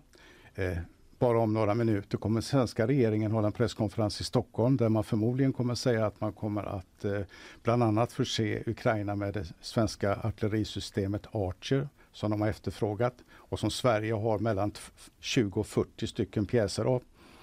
Eh, så det händer hela tiden väldigt mycket. Vi ska komma ihåg en annan sak också att från Bali så sa den turkiske presidenten som egentligen är väldigt nära lierad med Ryssland mm. eh, men samtidigt NATO-medlem, NATOs näst största militärmakt. Han trodde inte att det var en rysk eh, robot som hade landat utan han såg det som ett, han trodde på ryssarna och trodde att det här var ett misstag och, och igen, snarare då att det var en, eh, ett annat sammanhang. Har ryssarna sagt något själva om det här eller? Ja, ryssarna har ju från eh, försvarsdepartementet och andra håll, de har ju dementerat och sett att detta är en provokation för att liksom eh, trappa upp konflikten har Ja. de sagt. Samtidigt känns det ju när man hör de här grejerna som att det är många som försöker trappa ner. Alltså jag säger inte att folk säger att det inte är från rysk sida men om man tänker sig scenariet Mm. att det här hade hänt fast åt andra hållet så känns det som att folk, eh, den ryska sidan hade kanske inte varit lika snabba med att säga ja men det kan ju ändå vara ett misstag. Man kan ju inte lita på vad de säger Nej. naturligtvis. Det har vi ju sett hittills eh, och eh, i det här fallet kan det ju stämma eller inte stämma. Vi vet ju inte ännu men det här kommer förmodligen att kunna utredas väldigt tydligt. Det finns amerikanska system som har följt de här missilerna, eh, vet vilka, var de kommer ifrån och så vidare. Så att Ge det lite tid så kommer eh, de här kunskapsluckorna att fyllas och då får vi väl se om det då är ett misstag som man, man kan gå vidare med eller om det är en provokation som då leder till att man från NATOs sida liksom markerar på något sätt. Men det är någonstans i allas intresse typ att det ska vara ett misstag. Eller så jag menar? Ja, och vi kan väl se också den senaste tidens uppgifter om att det finns olika diskussioner om fredstrevare, fredsförsök, beredskap för samtal och så vidare. Det är i alla fall ett uttryck för att frustrationen är stor att nu efter nio månader så måste någonting hända. Det går inte bara hålla på och smula sönder människoliv och, och bebyggelse på det här sättet. Det går inte och det är kostsamt. Jag menar, eh, Europeiska unionen, Sverige, USA framförallt pumpar ju in miljarder i vapen var och varannan vecka nu och kommer ytterligare att skicka eh, avancerade system. Så att vi kommer stödja Ukraina, det är budskapet från väst och det kommer man göra eh, handfast med utbildning, med vapen och så vidare. Men det måste ju på något sätt få ett slut. Mm. Är det det som på G20-mötet, är det också de stämningarna som har kommit därifrån?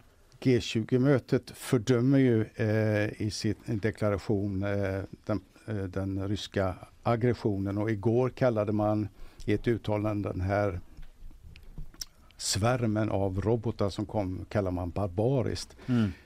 Intressant där är ju att även signaler från Kina, från Xi Jinping och från eh, den indiske premiärministern Modi är ju att ett, använd aldrig eller ens tänk på att använda kärnvapen. Det är uteslutet. Mm. Det är ju riktat till Moskva. Två, man vill se en fredlig lösning på något sätt. Det är också riktat till USA. Förlåt, till Ryssland. Och det innebär att pressen på Putin ökar från alla håll. Dels naturligtvis så alla de politiska bakslagen. Att hans stora väldiga eh, krigsmakt inte förmår att besegra eh, Ukraina. Mm. Vi ser en inre press på honom, en kritik, en öppen kritik från flera personer i hans närhet som är öppet kritiska mot hur det här hanteras. Det riktas mot generaler, det riktas mot andra, men det är ju också riktat mot honom. Va? Mm. Och genom den öppna kritiken så ökar ju pressen där också. Ja. Och sen har vi ju eh, den situationen att hans få nära allierade, eh, Kinas Xi Jinping och Modi i Indien, eh, också liksom antyder att nu måste han nog tänka om. Så att han är under en enorm press. Mm.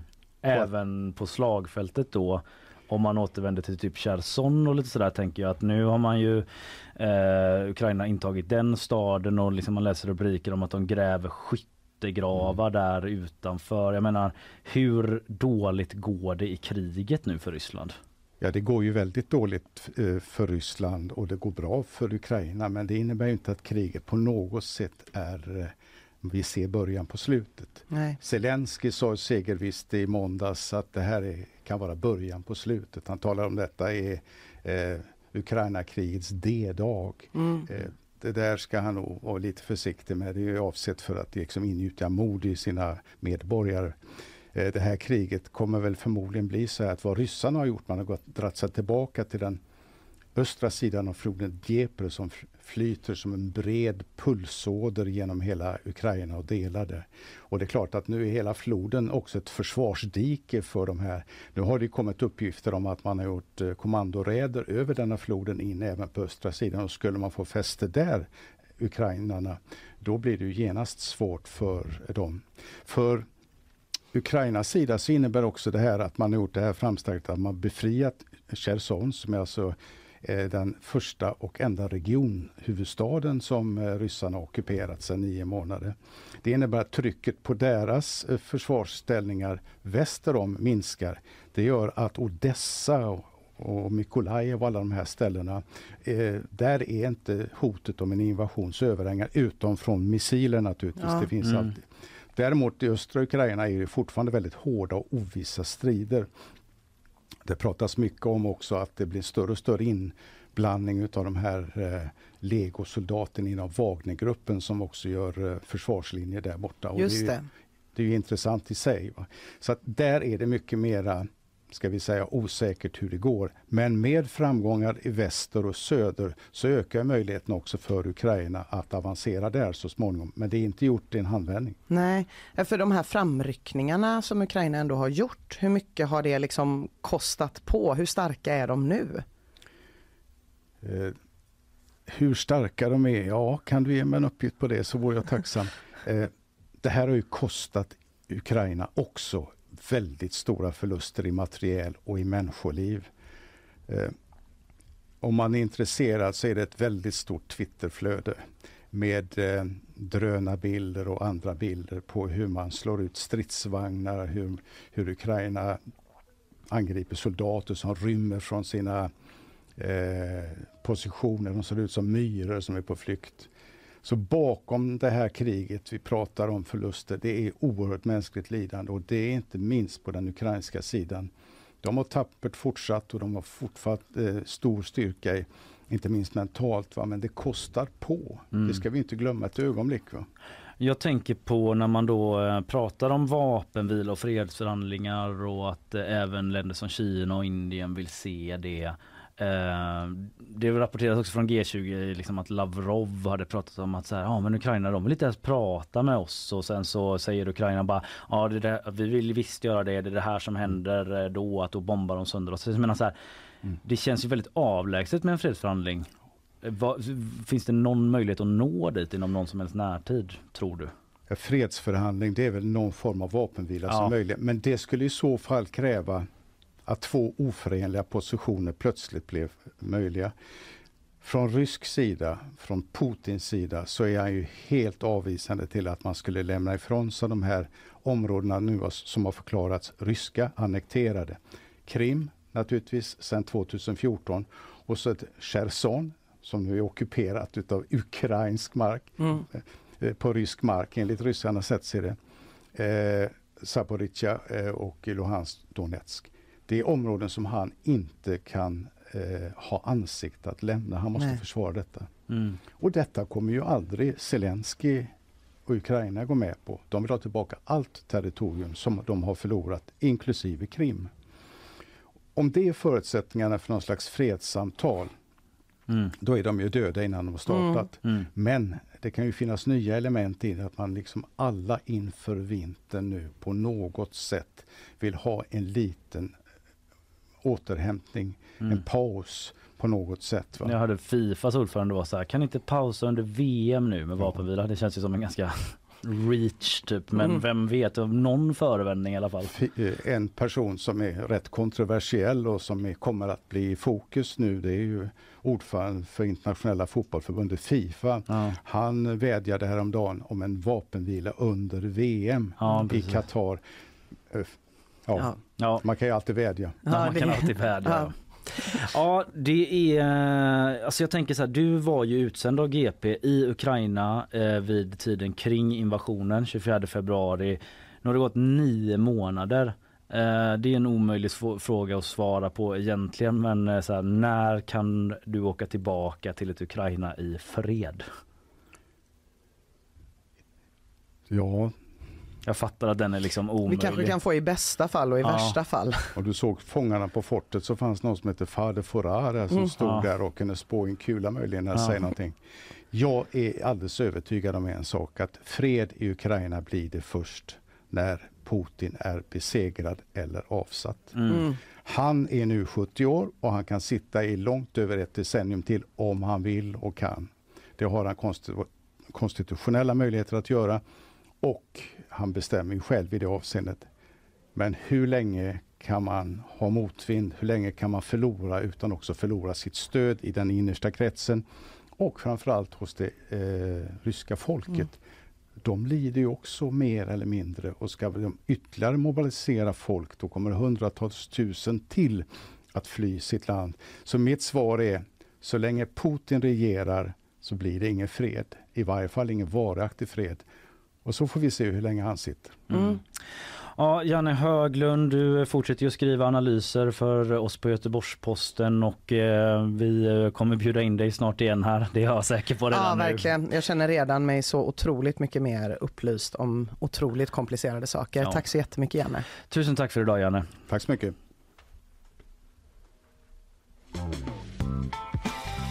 Uh, yes, vi tackar av Janne här uh, så länge och uh, vi ska in med lite sponsormeddelanden nu. Det är det jag försöker komma till. Vi tar dem här och nu.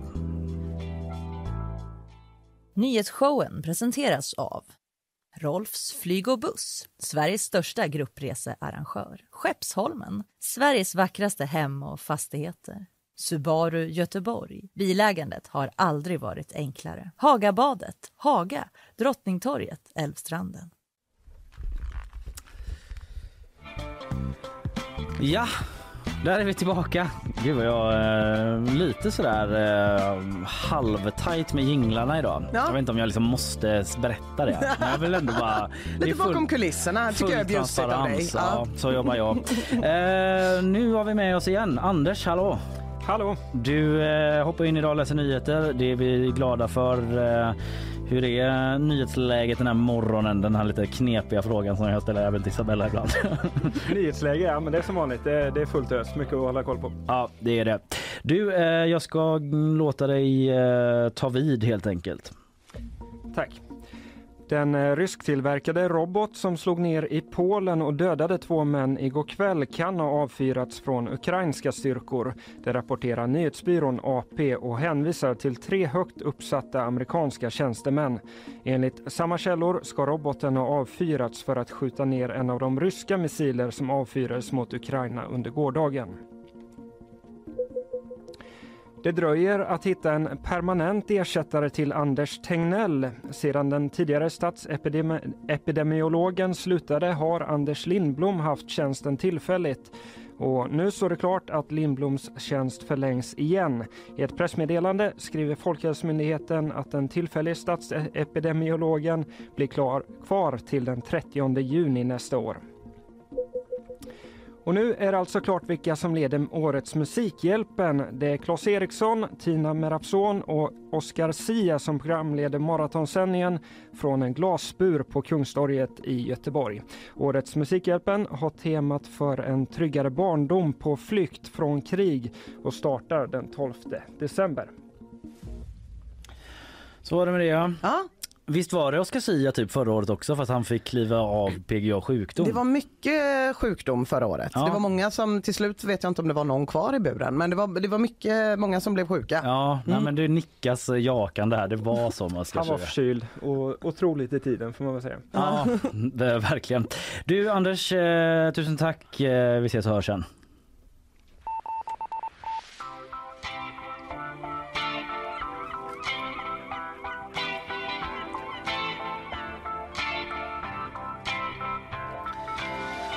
Ja, nu är det bakvagn. Eh, vi sammanfattar lite andra nyheter från dygnet som har gått ja, högt och lågt. det ska vi absolut göra. Det är nämligen så att Artemis 1 är nu uppe. Ah, jag vet, det är rätt mäktigt MG. faktiskt. Ja, jag har ju suttit här och eh, lite grann eh, tittat på en ehm, stream samtidigt som, eh, eller ja, inte jättemycket hoppas jag, men eh, det är ju lite roligt när saker händer IRL. Ja, Tyvärr, även Janne Höglund måste jag säga när han kom in i studion när du var och hämtade kaffe var så här bara nu, nu åker han upp snart. Ja, så han var också lite så snart. pirrig på den ja, grejen. Ja. Och det var bara ja, ungefär 12 minuter sedan mm. nu när vi pratar som den åkte upp. Jag ska ge lite lite bakgrund bara. Ja. Alltså människan vill ju supergärna vara på månen har det visat sig, eller hur? ja. eh, och ett steg för att kunna vara där lite lite mer permanent är ju då den här månraketen Artemis 1. För den ska ta material till månen så att man kan bygga en ny bas där. Mm. Och sen ifrån den basen kanske kunna göra expeditioner till Mars. Så det är inte bara Elon som får vara på Mars utan vi andra med. Ja. Men hittills då eh, har det gått lite sådär för Artemis 1. Eh, den står i Florida. Det har varit två startförsök som har misslyckats. Eh, och det är ju lite segt för att jag vill gärna veta mer om Mars. Jag tycker alltid att när det kommer såna här jobbiga klimat på jorden, inte samtalsklimat utan klimatklimat, då vill så. man ändå så tänka, men what's up there? Finns det ett Mars att gå till? Så kommer man dit så är det ett sånt jobbigt samtalsklimat där med. Ja, så är det Någon också så. arg så här, Åh, Får man verkligen säga det här? är det exakt samma? Marsian eller är det typ ursprungsrymdvarelse? Ja, nej, men det har ju varit så deprimerande. Så därför behöver vi ju veta mer om Mars, om det går att bo där, typ om det blir klimatkatastrofer. Men tyvärr har ju klimatet på den här planeten Tellus varit supertaskigt det senaste, inte minst mot Artemis 1. Ah. Ja, I september så gjorde orkanen Ian att man var tvungen att rulla tillbaka hela den här raketen in i hangaren, vilket tydligen var svindyrt och jättejobbigt. Stressigt, vad du? Friskar i frisyren typ. Ja, och en massa sådana NASA-personer. Nu kanske jag har fördomar om att de inte är starka. Men jag ser ändå framför mig labbrockar och glasögon som får stå och trycka Ah, på det är den här. Mm. Mm. Förra veckan då så hotade orkanen Nicole också att ta Artemis. Men då var NASA-gänget, då hade de ett litet lugn, ett litet eh, lugn och sa så, nej vet ni vad, vi tror Artemis står pall. Och det gjorde den. Oj, ändå vågat. Ja, det var en, en gamble. Fast där kanske det var en lättare då om de är sådana brainiacs typ. Att de Ja, räknade de på räknade det. ut. Ja. precis så att det är aldrig gamble för dem. Nej, de vet nej. alltid, det är lugnt. Ja.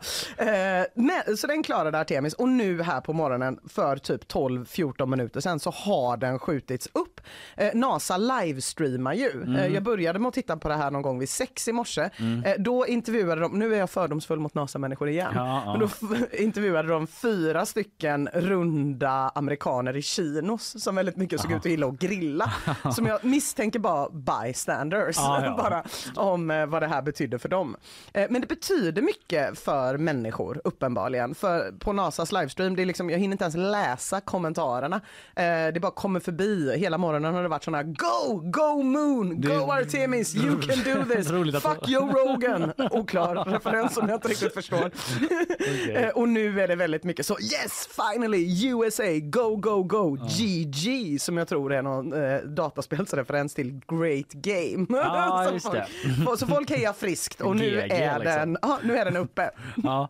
ja, ja, fan vad häftigt. Eh, Men är det folk i denna? Nej, det var Nej, det, material eh, nu, ja precis, kanske. det är bara material så att det är Ja. inga människor i. Utan det är, och det, det är en liten bummer Mm. är att den tydligen inte kommer landa på månen Nej. just nu. Utan Okej. det kommer mer vara ett prov till ett prov till ett prov. Mm. Alla kan ju inte vara Elon och bara ta Mars direkt. Nej just det, de är på att reka lite nu Ja. och typ så här, men här kanske vi kan landa och Ja bygga precis, denna ja, här Okej. kan jag ha mina lampor och min Ja. lilla kontorsväxt och sådär. Ja, mäktigt. Här blir som vi säger på göteborgska, här blir superrätt. Du, eh, alltså de här dagarna som har varit nu så har ju vi följt inflationen en del i Mm. programmet och eh, på tidningen såklart.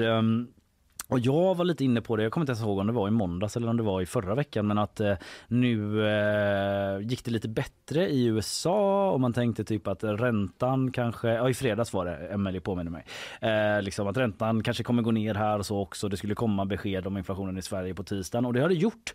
Inflationen faller till 9,3 procent och då var det så yeah! Ja det var igår ja. ja, var Ja, igår. När man fick lite så NASA-lugn i magen. De var så här, åh de har räknat rätt, vad skönt, det blir inte så farligt. Kände man igår. Ganska Passade på att beställa en ny hårtork. Ja just det, verkligen så att Nu ska det brännas energi. e-kommersen sköt i höjden typ.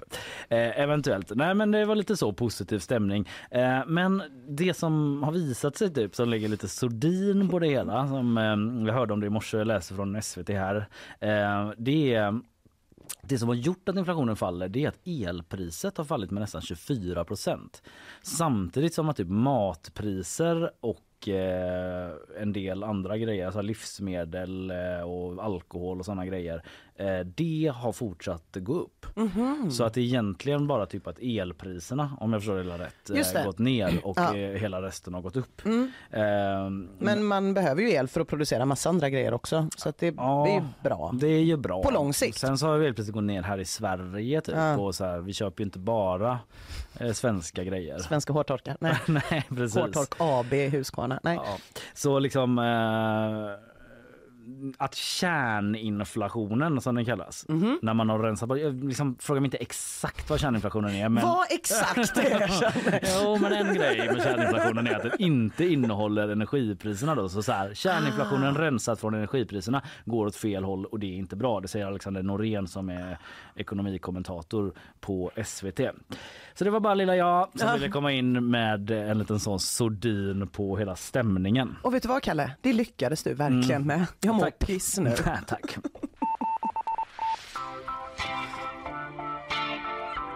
Och så körde man då från Monaco till Saint-Tropez och var på Sardinien och fram tillbaka.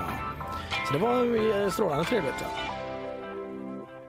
Ja, du var ju inne på grundlagsändringen och att eh, det har varit kritik om att politikerna kanske inte har hörts sådär jättemycket i media om det. Nej. Men de kanske har varit upptagna med annat. Ja, det får man väl anta. Justitieminister Gunnar Strömmer, han har ju verkligen varit ute och vevat. Kanske inte just om grundlagsändringar, men han har sagt att snart ska danstillståndet tas bort. Åh, det gamla danstillståndet är tillbaka. Det gamla danstillståndet. Jag känner att det finns vissa kopplingar här till när jag pratade om arkitekturen innan. Mm. För här finns nämligen inga politiska motståndare. Alla tycker samma. Ingen vill ha danstillstånd och danstillstånd är alltså att man då som restaurang eh, måste söka tillstånd för att få ha dans på Mm. krogen. Det här röstades bort av en enig riksdag 2016 men ändå har det inte avskaffats. Eh, Man gjorde någon utredning som visade typ att ja, men, eh, om man avskaffar det så behöver man ändå tänka på vissa säkerhetsaspekter. Alltså, det, det är så jävla Det är så svenskt. svär- Det är så svenskt! Jag känner mig aldrig så mycket som en sån svensk som har bott fem veckor i Paris, börjar använda scarf och skylla på svenskheten Ja. som när jag läser om danstillståndet. Ja, men det är verkligen Fy sånt. Fan. App. Det Detta finns en landet. regel. Vilka plugghästar Fäll vi är. ner den roboten som För den är inte okej. Nej. Även om det ser grymt ut, Kalle. det gör det. eh, och, och, och sen så kom ju corona Ja. eh, och då tyckte man det löste ju sig själv. Vad skönt. Just det. Ja, men Men- Mikael Damberg någon gång, jag minns det från någon att han blev typ förbannad för att någon frågade om det och var typ Mm. lite så bara det inte nu! Something on the paper. Typ här, kan inte ta det nu liksom. Släpp den så länge. Nej, och när sossarna blev frågade nu också, varför gjorde ni ingenting Ja. åt danstillståndet så var de typ så, vi hade annat att göra då. Ja. Men jag, bara, jag, jag hörde lite om detta och då var det, det var många moderater som typ motionerat om det här i Mm. riksdagen tidigare. Typ att det är tydligen många moderater som typ eh, bryr sig om den frågan. Och att det lyftes av flera personer som ett exempel på att om man sitter på en restaurang och någon mår väldigt bra och vill gå upp och ta några danssteg. Då är det klart att den ska få göra det. Men du vet att det känns så här, den, någon sorts moderat stämning att man sitter så här, det är strålande trevligt. Precis. Och så sitter man och då vill man bara tja, tja, en, två, tja, tja, tja, tja, tja. Och då vill man inte att det ska komma något jävla sosseri. Nej, och jävla liksom sosse och säga stänga nej. ner den här golfklubben typ. Nej. Och, och det ska sägas att det är svinmånga moderater som har motionerat om det här. Men det är också folk från exakt alla andra partier som har motionerat för Ja. det här. Inte sossarna dock. Alltså. Inte de senaste 20 åren i alla fall.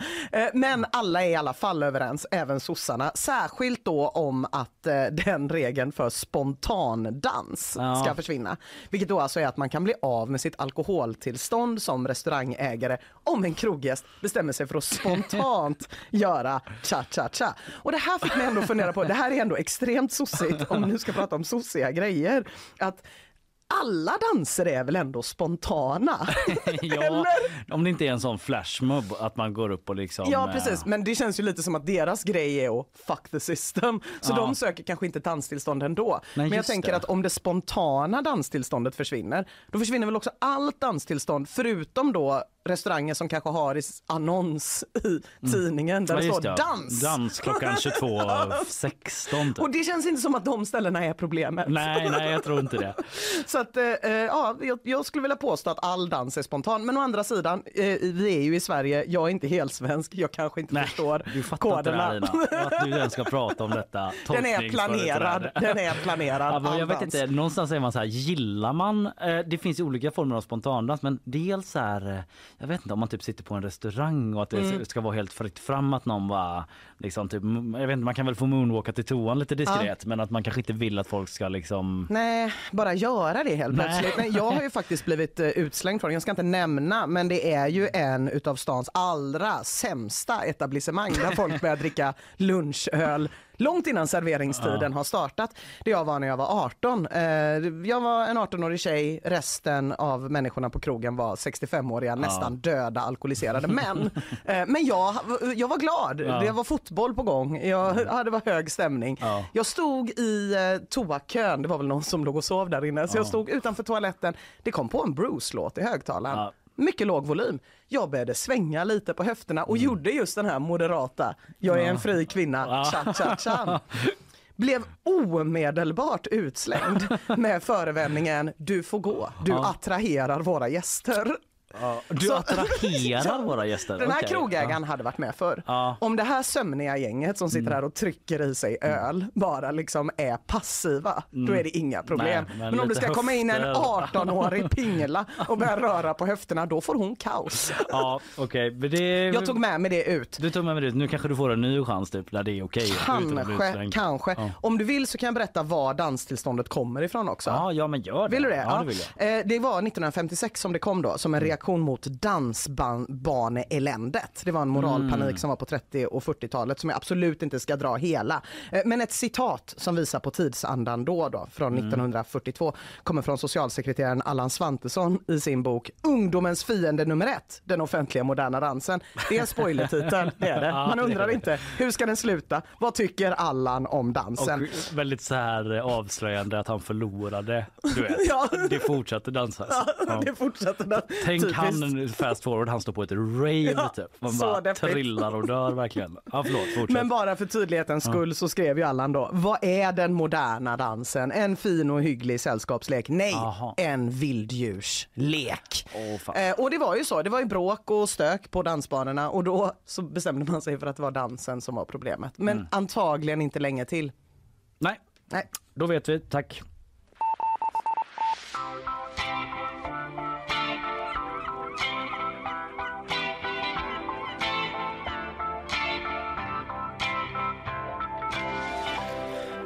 Gud, jag lät så otrevlig när jag sa då vet vi tack. När du var färdig. Jag bara kände jag... Det tyckte inte jag heller. Bra. Nej. Mm. Jag är väldigt transparent idag med allt som jag gör dåligt. Ja, jag märker det, vi ska aldrig mer börja med att du får tala ut. Nej, nej, det kanske är det här med hela den här vagnincidenten. Ja, jag tror det. Det har blivit en bekännar... Jag tyckte det var jättehärligt i början, men nu har det blivit en bekännarkultur här inne. Ja, som inte alls är Som gjorde sund. att jag berättade olika mörka saker från min barndom. Ja, vi försöker gå vidare. Jag tror det. Jag har en liten grej här. Eh, Det är P3 Musiknyheter och eh, Gaffa som skriver om en ny studie från eh, Tokyo universitet. En färsk studie som visar att råttor kan röra huvudet i takt till musik. Något man trodde varit unikt för människor innan, på tal om dans då. Att de kan liksom get down typ. Digga. Lite Det var roligt att du gjorde White Man's Overbite när ditt huvud åkte fram och tillbaka. Så fort jag rör mig i takt liksom. Då- bara då kommer tanden. Ja, men alltså, jag, jag gör det ibland ironiskt men det är min sanna Mm. natur Mm, att mm, ta fram den när jag dansar ute. Om ni ser mig där ute, det är inte på skämt liksom. eh, nej men så vitt vi vet är den här den första studien som visar en medfödd synkronisering till takt bland djur då, säger eh, forskaren Hirakazu Takahashi. Mm. Reservation för uttal, men tycker det gick okej ändå eh, med att uttala det. Jag, jag vet vad, det tycker jag med. Bra Ja, jobbat Kalle. Tack. Men alltså forskarna menar då att eh, det här, eh, typ varför gör man det här då? Jo men alltså det ger någon sorts in... jag, Kalle, jag vill jättegärna ha svar på den här frågan.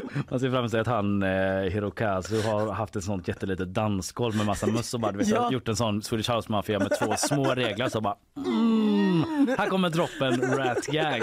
Och så bara don't you worry, don't you worry. Och så plötsligt bara kommer tre råttor som kör den Jim Carrey, du vet. What is love?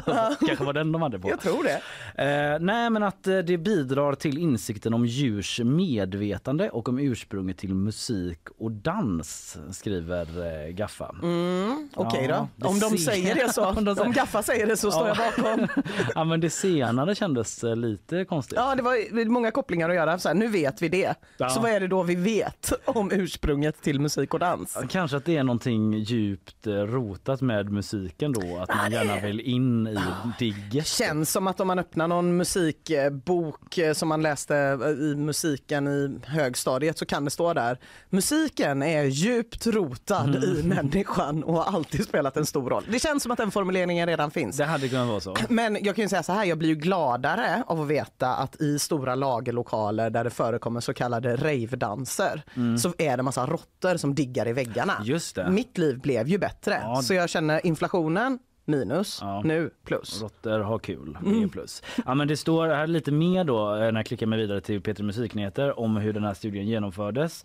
De lyssnade på eh, de här låtarna. Mm. Eh, Lady Gagas Born this way och den eh, Michael Jacksons Beat it. Beat it, beat it. Och det är en bra låt till råttor. Det är exakt den låten man känner sig när, när det kommer ett coolt råttgäng och ska ta över.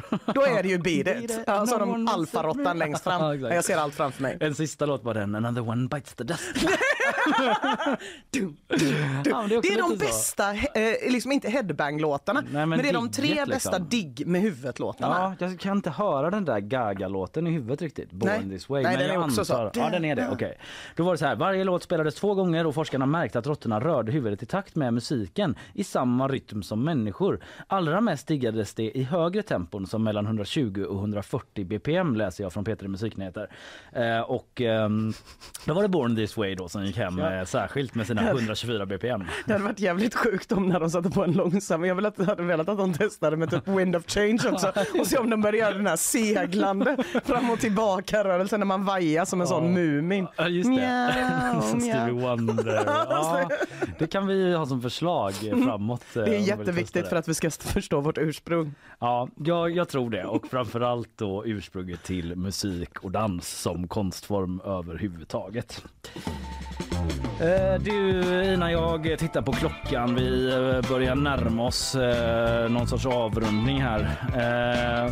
Vilken jäkla nyhetsdag det har varit idag. Ja, det har hänt så mycket. Ja, det är liksom senaste nytt bara från Ukraina och den här bomberna som smält på andra sidan gränsen mot Polen som Janne var här och pratade om. Väldigt liksom återigen matnyttig eh, genomgång med honom där om vad man kan dra för eh, slutsatser av det liksom. Ja, ja, gud ja. Grundlagsändringar och månraketer. Ja, och arkitektupproret. Ja. Nu är alla överens helt plötsligt vad det verkar. Två nyheter om att alla var överens också. Ja, exakt. Det är fan inte varje dag. Nej. Eh, om man har missat detta så finns vi som eh, podd och också som sån här vodcast nu Det här hörde jag om igår. Mm. Ja. Eh, Eh, det är på Spotify typ så är det vi, det är typ bara tio aktörer i hela Sverige som Ja. finns på det typ så där kan man lyssna och kolla samtidigt i alla fall. Där finns vi. Vi finns även på alla andra ställen där det finns poddar. Så kolla in det om man eh, har missat någonting om man tyckte det lät intressant. Jag skulle framförallt säga att man ska kolla idag så att man ser vilka huvudrörelser vi gjorde. Ja, när och vi det är diggade- White Man's Overbite. Ja, ja, där kan man verkligen få front row på ett eh, textbook White Man's Overbite. Ina Lundström heter du, Kalle Berg heter jag. Eh, Vi har med oss redaktionen eh, Emelie Hagbard, Linnea Rönnqvist och eh, vi ska tacka extra också till eh, Anders Ja. Hagström eh, som hjälpte oss idag. Det gjorde han Jävla verkligen. proffs och steppade in och läste nyheter. Eh, Vi hörs imorgon allihopa. Tack så länge. Hej! Hej hej!